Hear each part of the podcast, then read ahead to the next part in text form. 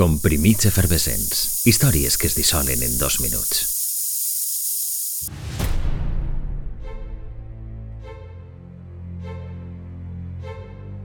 Sabia que era un moment que es recordaria per sempre. Amb el sobre obert i la mirada emocionada, Barbara Streisand va exclamar «Per fi ha arribat el dia».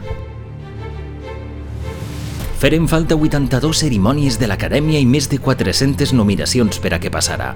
Un 7 de març, Catherine Bigelow es convertia en la primera dona en emportar-se l'Oscar a la millor direcció.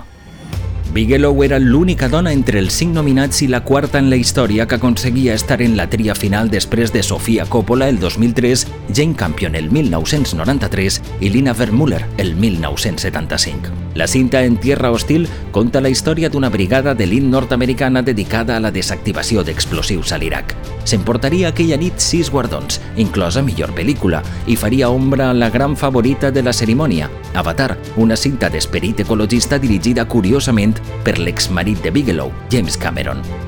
Per fi, com deia Streisand, l'Acadèmia es dignava reconèixer una dona com a millor directora.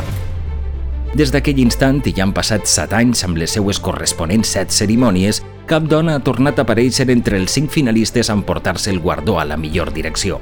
Un club amb excés de testosterona on de moment només Bigelow va poder entrar aquell 7 de març de 2010.